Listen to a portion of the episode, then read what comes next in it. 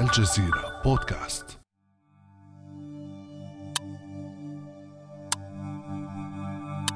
هذه الدقات تمثل العد التنازلي لساعة بيتر ليدز النفطية والتي تشير إلى أن مخزون النفط العالمي لا تزال أمامه تسعة وأربعون عاما قبل أن ينفذ.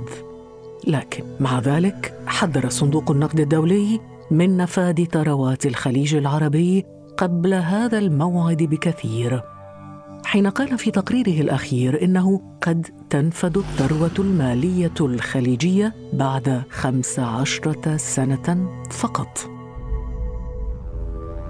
هل يمكن أن تنتهي فعلا ثروات الخليج خلال الخمسة عشر عاما القادمة؟ وكيف تستعد دول الخليج لعهد ما بعد النفط؟ بعد أمس من الجزيرة بودكاست. أنا خديجة بن جنة.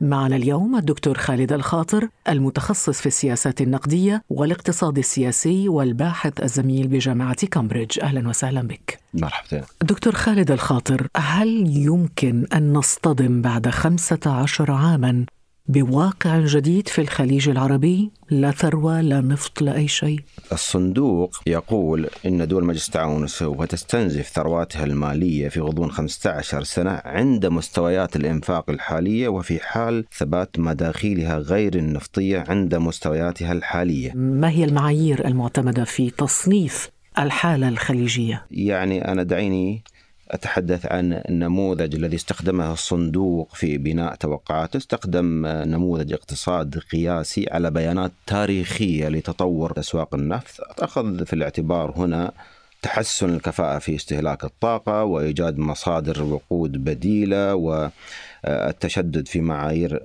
البيئة بالإضافة إلى النمو السكاني والاقتصادي.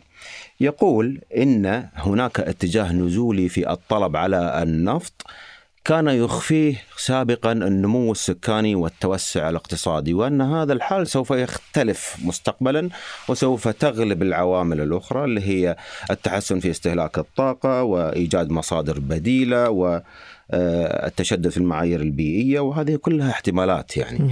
وبالتالي هنا سوف يعني خلال العقدين المقبلين سوف يصل النفط إلى ذروته بحلول عام 2040 سوف ينخفض الطلب وبالمقابل أيضا يوجد ارتفاع في العرض بسبب زيادة إنتاج وإنتاجية النفط التقليدي وغير التقليدي. وبالتالي هنا في ارتفاع في العرض انخفاض في الطلب مقابل ارتفاع في العرض. اذا النتيجة هي انخفاض الأسعار وبلوغ فترة ما بعد النفط يعني أنت لم تصدم ولم تتفاجأ وكنت تتوقع هذا الأمر؟ هذا شيء يعني متوقع ومستقبل أسواق النفط وتقلبات أسواق النفط هذا شيء معلوم ومرينا به مراحل منه دورات رواج ودورات انهيار. يعني الصندوق لم يأتي بجديد في هذا المجال وأيضا حتمية يعني ما فترة ما بعد النفط سواء كان نضوب النفط إذا استمر الطلب عليه أو تحولات هيكلية في أسواق النفط أو إيجاد مصادر بديلة ممكن يكون نفط متوفر في هذه الحالة كما يدعي الصندوق ولكن السوق ستكسد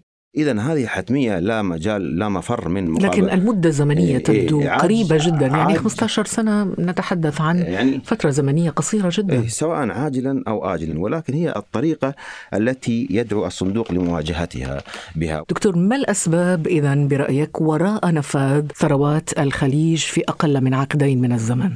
لاحظي بعد كل طفرة نفطية الذي الذي يحدث ماذا؟ تذهب على إنفاق على تصلح على تسلح وحروب استنزاف وخلق صراعات وقمع ثورات ربيع عربي في هذه الفترة وصفقات حماية كما يعني شهدنا في الفترة الأخيرة يعني ترامب يعني جهارا نهارا وبطريقة يعني مبتذلة ومبتزة يلوح بها وهذا الأسلوب يتكرر بعد كل طفرة نفطية تراكم فيها المنطقة بعض الثروات سواء كان لإدارة الدولة الاقتصادية أو للأجيال تختلق حروب تختلق نزاعات هم سوف يستحوذوا عليها وسوف يأخذوها بطريقة أو أخرى. أيضا أنا لا أبرئ أنفسنا إحنا من سوء الإدارة. يعني تذهب على توسع عمراني واقتصادي مفرط وغير مدروس وزائد عن الحاجة حتى أصبح المواطنين بعد أقليات في أوطانهم ويتحول إلى عبء بعد انتهاء هذه الطفرات وله تبعات اقتصادية واجتماعية وحتى سياسية وخيمة. منها ما يدعو إليه الصندوق الآن وهو خفض حجم القوة العاملة في القطاع العام. طيب لما تخفض القوة في القطاع العام أين يذهب؟ هؤلاء الناس أنتم في دول ريعية وهذه الدول المواطنين وغير المواطنين فيها يعتمدون على يعني على الأجور وعلى الرواتب من الإنفاق العام. أيضا ذهبت على الفساد والتبذير والإنفاق دون رقابة ولا محاسبة ولا شفافية. لم تذهب على بناء رأس المال للإنسان المنتج وتركيم رأس المال البشري وتنمية صناعية ولا تنمية تكنولوجية ولا استثمار في أصول يتولد عنها قبول يعني عنها يعني نمو قابل للاستمرار. هناك مفارقة عجيبة بين دول نفطية عربية مثل دول الخليج العربي التي تستنزف واردات النفط. في ما أسميته الآن سوء الإدارة السياسية، الصراعات، التبذير، وبين دولة نفطية اسكندنافية مثل النرويج التي تدخر مداخيل النفط للأجيال القادمة. كيف تصف هذه المفارقة؟ يعني أنا عملت دراسة على هذا النموذج بالضبط. يعني الفارق أن هناك دول يعني لديها وفرة هائلة في الموارد الطبيعية. دول سواء كان في الشرق الأوسط ومنها ودول أخرى دول في العالم المتقدم. ووجدت أن العامل الحاسم الذي يميز أداء هذه الدول هو آه، عامل النظام السياسي، نوعية النظام السياسي، هذه ديمقراطيات ناضجة، يعني يوجد رقابة على المال العام، يوجد تخطيط، يوجد استراتيجيات، يوجد يعني في الإدارة ناس منتخبة إذا لم تقم بدورها بنجاح تزال ويؤتى بغيرها، الوضع هنا في دول عالمنا العربي مختلف. هنا هنا اختلاف تستخدم اختلاف الأنظمة السياسية وسوء الإدارة هو السياسية. هو. يعني عندما نتحدث دكتور عن النرويج نحن نتحدث عن أكبر أو خامس أكبر دولة منتجة للنفط في العالم. نعم نعم.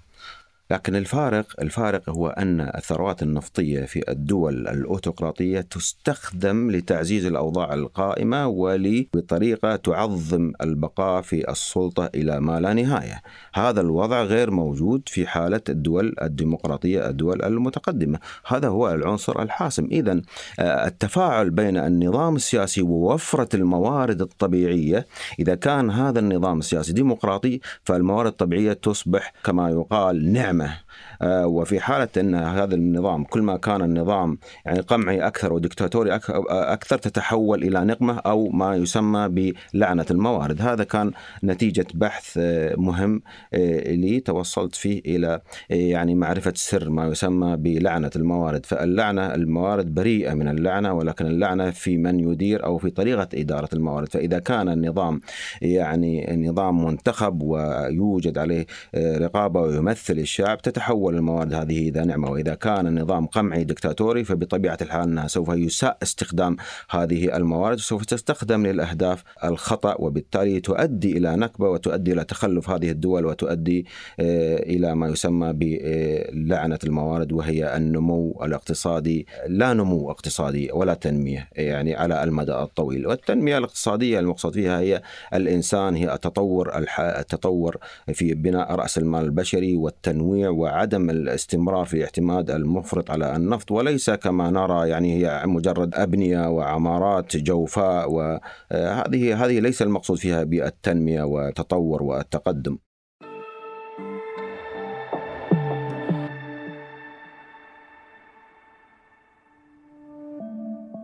ابدأ بالاستماع الآن ولا تنسى تفعيل زر الاشتراك الموجود في تطبيقك لتصلك حلقاتنا اليومية فور صدورها. ابقى على تواصل مستمر مع الجزيرة بودكاست عبر صفحاتنا على فيسبوك، تويتر وإنستغرام.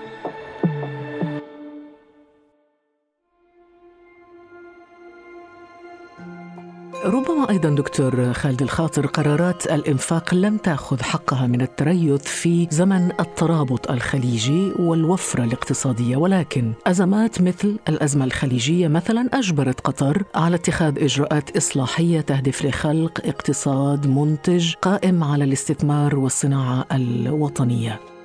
نحن مدعوون لفتح اقتصادنا للمبادرات والاستثمار بحيث ننتج غذاءنا ودواءنا وننوع مصادر دخلنا ونحقق استقلالنا الاقتصادي ضمن علاقات ثنائية من التعاون مع الدول الأخرى.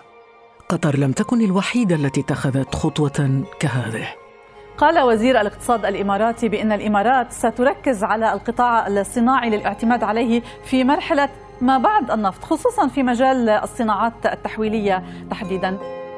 أما ولي العهد السعودي محمد بن سلمان فقد أكد أن بلاده سائرة على الطريق. أعتقد أن 2020 يعني لو لو النفط وقف نستطيع نعيش طيب دكتور خالد الخاطر نحن في 2020 هل فعلا تستطيع السعودية الآن أو أي دولة من الدول الخليجية الاستغناء عن النفط؟ لا طبعا آه، يعني هذا سؤال بديهي ويستطيع أن يجيب عليه حتى يعني آه، رجل شارع عادي ليس لا بالضروره أن يكون مطلع على آه، أو أو متخصص في الاقتصاد. لماذا؟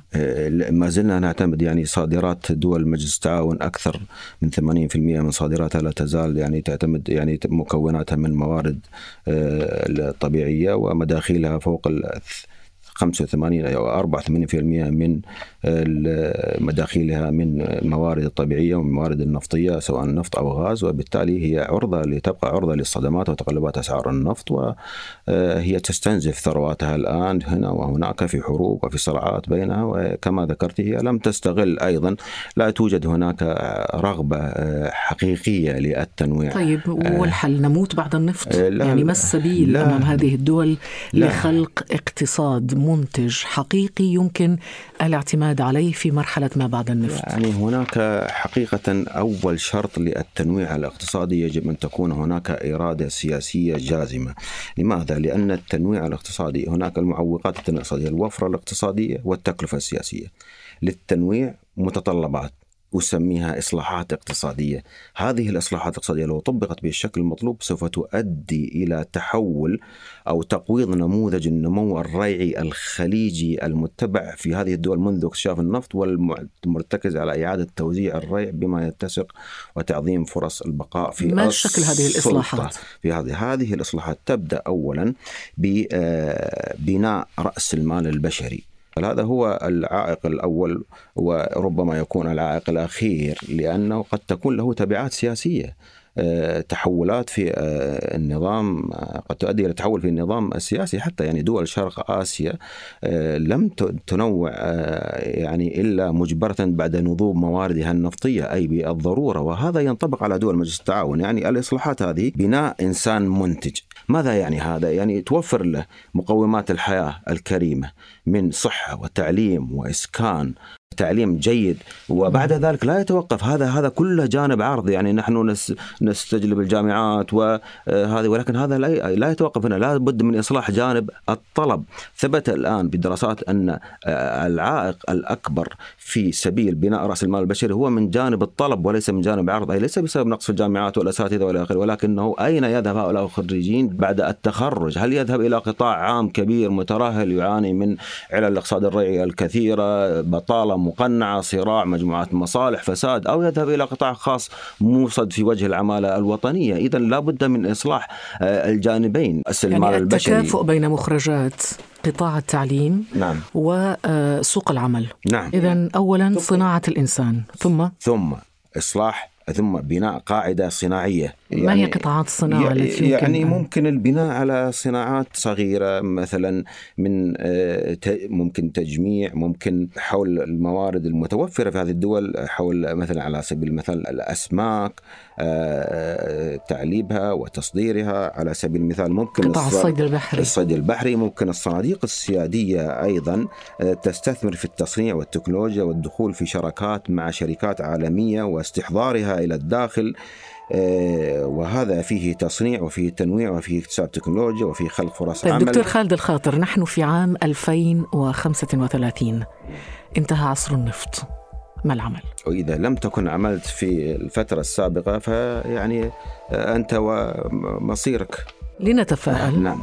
وننتظر 2035 الموعد الذي ضربه صندوق النقد الدولي في تقريره ولنقل إن غدا لناظره لقريب إن شاء الله. نعم.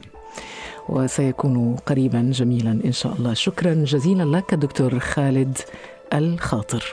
أهلا وسهلا. كان هذا بعد أمس.